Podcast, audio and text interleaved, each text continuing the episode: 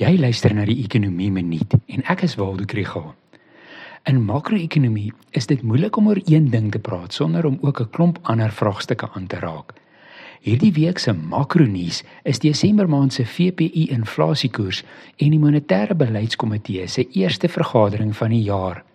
Voor ek praat oor die vooruitsigte vir die repo koers, moet ek eers oor die fiskale posisie gesels. Hierdie episode word ondersteun deur die NWI Sakeskool. Wanneer Business Day sê dat die beleidskomitee eers sal wag tot die risiko's van die verkiesing verby is voor hulle die reepekoers begin sny, bedoel hulle eintlik die risiko's wat die verkiesing inhou vir die begroting en hoe dit verband hou met die rentekoers op die staatsskuld en die wisselkoers.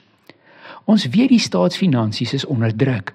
Daar is nie meer 'n kommoditeitsprysbelasting meevaller van die mynbousektor af nie en die ekonomie het andersins verlede jaar skaars gegroei. Eskom moes 'n reddingsboei kry en in 'n verkiesingsjaar is daar baie druk vir bykomende besteding.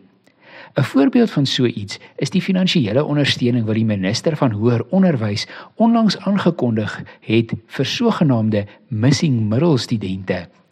Tegnies raak dit nie nou die begroting nie, want hy herprioritiseer die geld vanaf die SETAs na NSFAS maar watter besteding gaan bykom of gesny word in die jaar daarna.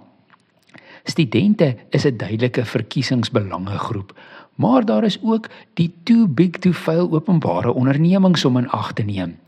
Die graderingsagentskap Fitch reken dat die regering gaan nie 'n keuse hê as om 'n 50 miljard rand kontant inspuiting aan Transnet te gee nie baie van die besnoeiing wat die minister in die mini-begroting genoem het en die belastingverhogings van 15 miljard rand wat hy genoem het, gaan swaar gesluk word in 'n verkiesingsjaar. Die eindresultaat is dat die staatsskuld meer styg as wat ons hoop.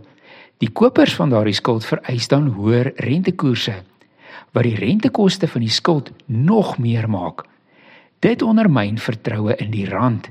'n Swakker rand help nie ons inflasie vooruitsigte nie en dan wag die monetêre beleidskomitee nog so bietjie.